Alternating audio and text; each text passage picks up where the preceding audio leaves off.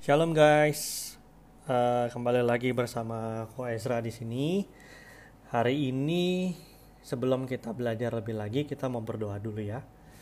Terima kasih Tuhan untuk hari ini kalau kami boleh kembali mendengarkan sedikit uh, renungan dari firman-Mu ya Tuhan. Biar kiranya firman-Mu ini boleh uh, memberkati kami hari ini dan terus menjadi benih dan bertumbuh menjadi benih firman yang baik di dalam hati kami, dalam pikiran kami berkati eh, anak-anak uh, yang mendengarkan, berkati Koizra yang akan uh, memberikan sharing, biar semuanya juga boleh tertanam dan menjadi rema dalam kehidupan kami. Terima kasih Tuhan, hanya di dalam nama Tuhan Yesus kami berdoa dan mengucap syukur. Amin. Oke, jadi hari ini aku tuh dikasih tema tentang asal usul hari Sabat.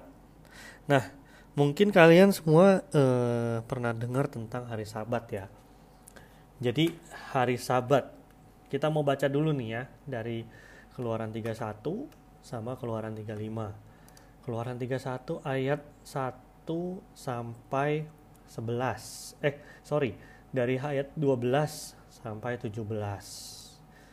Perikopnya adalah peringatan untuk menguduskan hari Sabat. Berfirmanlah Tuhan kepada Musa, Katakanlah kepada orang Israel demikian, akan tetapi hari-hari sabatku harus kamu pelihara. Sebab itulah peringatan antara aku dan kamu turun-temurun, sehingga kamu mengetahui bahwa akulah Tuhan yang menguduskan kamu. Haruslah kamu pelihara hari sabat, sebab itulah hari kudus bagimu. Siapa yang melanggar kekudusan hari sabat itu, pastilah ia dihukum mati. Sebab setiap orang yang melakukan pekerjaan pada hari itu, orang itu harus dilanyapkan dari antara bangsanya Enam hari lamanya boleh dilakukan pekerjaan, tapi pada hari yang ketujuh haruslah ada sabat, hari perhentian penuh, hari kudus bagi Tuhan. Setiap orang yang melakukan pekerjaan pada hari sabat pastilah ia dihukum mati. Maka haruslah orang Israel memelihara hari sabat dengan merayakan sabat turun-temurun menjadi perjanjian kekal.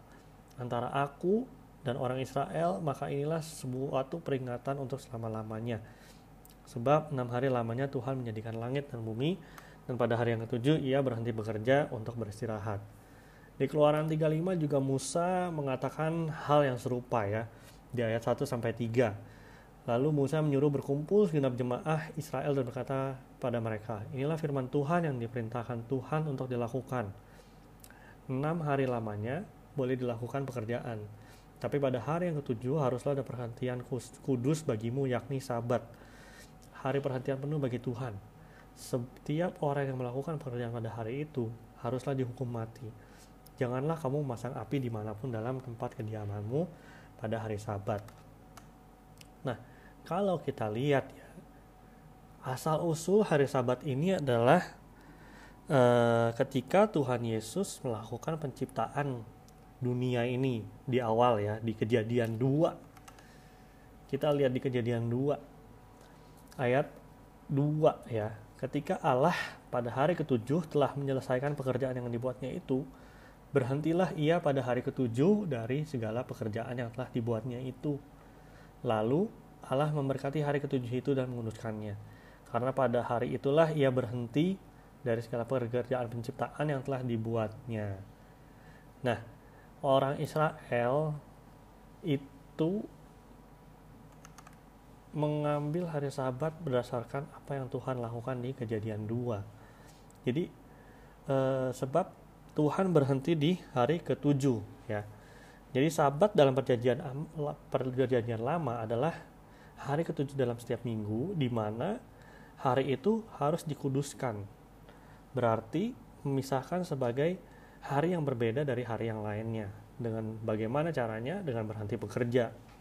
Supaya dapat istirahat melayani Allah, dan memusatkan perhatian kepada hal-hal yang menyangkut kehidupan rohani dan kehormatan Allah. Ya, jadi kalau kita lihat lagi dalam bahasa Ibrani-nya sendiri, kata sabat itu berasal dari kata syabat, S H A B B A T, yang artinya dalam bahasa Ibrani adalah berhenti atau duduk. Nah, jadi memang benar-benar seperti apa yang Tuhan lakukan di waktu penciptaan itu ya hari 1 sampai ke 6 dia menciptakan dunia dunia sampai manusia jadi dan hari ketujuh Tuhan benar-benar berhenti dan beristirahat. Itu yang Tuhan pengen juga pada bangsa Israel. Makanya itu waktu ada 10 hukum Taurat, 10 hukum Allah itu di keluaran 20, Tuhan Yesus bilang, ingatlah dan kuduskan hari sabat. Ya, jadi perintah untuk mengingat dan menguruskan hari sabat itu terdapat di 10 hukum Allah, yaitu di perintah keempat. Jadi, sampai zaman sekarang, sampai hari ini, sampai detik ini, Koko e, berbicara, orang Israel itu masih melakukan hari sabat. Dan pada hari sabat, orang Israel sama sekali tidak boleh melakukan kegiatan yang menganut unsur pekerjaan sama sekali. Tapi, mereka boleh melakukan kegiatan ibadah. Ya, jadi contohnya nih, contohnya eh, kegiatan yang dilarang. Ini Koko ngambil dari sumber-sumber yang uh, sudah sudah dan Koko pernah ke Israel sekali juga itu uh, dijelaskan oleh uh, tour leadernya bahwa setiap minggu itu ada larangan kepada kaum Yahudi kepada umat Israel yang masih melaksanakannya ya. Contohnya nih, yang simple-simple aja nih. Misalkan baju kita robek, menjahit robekannya itu kita nggak boleh melepaskan ikatan kayak kita ngelepasin ikat pinggang atau misalkan yang lain ikatan apa kek itu nggak boleh terus eh, misalkan nih kita mau nyari barang yang hilang itu juga nggak boleh menulis lebih dari dua huruf itu nggak boleh. Membangun membangun apa pun nggak boleh. Meruntuhkan bangunan juga nggak boleh. Mematikan api menyalakan api itu nggak boleh. Mungkin zaman sekarang jadinya lampu ya. Mematikan dan menyalakan lampu itu nggak boleh juga. Memindahkan benda dari tempat pribadi ke tempat umum sejauh empat hasta dalam batas tempat umum itu pun nggak boleh gitu. Mencuci membuat roti menggantung menggunting memilih semua itu pokoknya nggak boleh jadi bener-bener tidak ada pekerjaan yang dilakukan di hari sabat tapi apa yang boleh diizinkan? Yaitu merayakan sabat bersama-sama dengan keluarga dekat. Pergi ke sinagog untuk berdoa. Ya semacam ibadah ya. Jadi kayak kita pergi ke gereja. Terus menyanyikan nyanyian-nyanyian khusus. Membaca Alkitab dan tafsirannya itu semua boleh. Jadi bener-bener tuh kalau mau dibilang hari sabat sesuai dengan perjanjian lama memang benar-benar umat Israel memfokuskan diri mereka hanya untuk beribadah kepada Tuhan. Itulah intinya ya. Benar-benar memfokuskan seluruh diri mereka hanya kepada Tuhan dan tidak melakukan hal duniawi lainnya. Sebab apa? Sebab sabat itu adalah tanda bahwa umat Israel adalah milik Allah. Dan sabat itu mengingatkan mereka akan pembebasan dari perbudakan di Mesir Makanya hal ini masih sampai dilakukan sampai hari ini. Dan nggak cuma umat Israel doang ya. Untuk secara global, secara dunia, uh, kalau kita lihat sampai hari ini ada beberapa gereja yang masih menerapkan peraturan hari Sabat untuk dilakukan. Contohnya seperti gereja Yesus sejati, the True Church, True Church of Jesus, atau gereja Advent hari ketujuh itu mereka masih melakukan hari sabat di luar uh, orang-orang Israel. Nah, kalau di aliran Pentakosta dan Karismatik seperti kita, hari ketujuh itu jatuhnya hari Minggu. Biasa kita rayakan dengan beribadah di gereja ya. Kita datang, kita nyanyi, worship God, dengerin firman Tuhan, berfellowship setelah pulang gereja. Tapi sama sekali nggak ada larangan kita untuk uh, melakukan kegiatan lainnya. Kayak misalkan itu udah, udah selesai uh, dari gereja kita pergi balik lagi ke toko jualan yang masih jualan hari minggu atau misalkan kita pergi ke mall atau ke mana itu nggak ada larangan. Ini yang harus kita syukurin dan kita harus garis bawahi bener-bener gitu. Karena zaman sekarang ini kita sama uh, kita sudah diberkati Tuhan luar biasa untuk kita dapat melakukan ibadah secara bebas ya. Jadi kalau kita lihat benar-benar nih ya, benar-benar kita lihat hari Sabat zaman dulu sama zaman sekarang itu dan yang dirayakan eh dan hari Sabat yang dirayakan oleh orang Israel dengan orang dunia itu sebenarnya punya inti yang sama yaitu beribadah kepada Tuhan Allah dan memfokuskan diri kita secara khusus kepada Tuhan. Khusus di hari Minggu gitu ya. Makanya itu kita sebagai anak-anak Tuhan di zaman sekarang ini apalagi sekarang semua sudah serba online harus banget dan penting banget untuk kita dapat menjaga dan menghargai jam ibadah kita. Yang sekarang nih paling cuma sejam setengah atau maksimal dua jam atau mungkin di teens cuma 30 menit sampai sejam. Itu benar-benar kita harus uh, hargain ya. Karena kalau kita lihat balik lagi ke orang Israel mereka menghargai menghargai itu setiap hari Minggu seharian penuh. Gitu ya, sampai matahari terbenam. Kalau kita cuman dua jam aja lah maksimal. Ya jadi usahakanlah untuk ibadah dengan serius setiap hari Minggu di jam ibadah itu benar-benar serius. Mau kita sendiri mau kita sama keluarga mau kita online ataupun onsite. Karena hal inilah yang Tuhan rindukan dan yang Tuhan mau dari kita anak-anaknya ya. Yaitu waktu khusus di mana kita benar-benar memfokuskan hidup dan diri kita kepada Tuhan untuk beribadah. Ya itu aja ya kadang-kadang nih. Bukan kadang-kadang sih saya sih berharapnya nggak ada lagi abis ini ya. Mostly most people.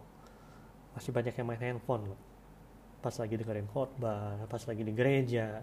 Khotbahnya nggak asik dikit mereka buka handphone. Terus ya lagi ibadah Instagraman story well it's not a bad thing ya. Tapi please itu kan misalkan kita mau story ya udah ntar aja habis selesai ibadah dan lain-lain.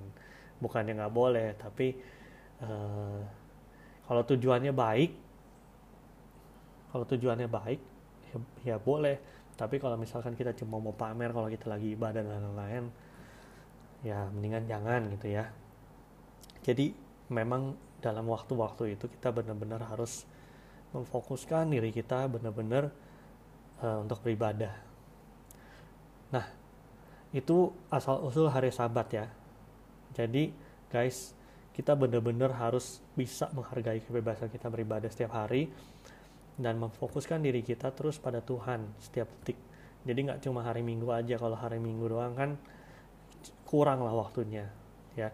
Kecuali ya kayak kita merayakan hari Sabat kayak orang Israel, satu hari yang penuh dari matahari terbit sampai matahari terbenam. Kalau kalian bisa melakukan itu, ya ya udah nggak apa-apa juga gitu kan. Tapi kita harus benar-benar menghargai waktu kita setiap hari dan benar-benar melakukan hidup kita uh, untuk Tuhan ya benar-benar. Jadi mengingat menguduskan hati kita pikiran kita diri kita hanya untuk Tuhan. Karena ini udah blessing banget dari Tuhan.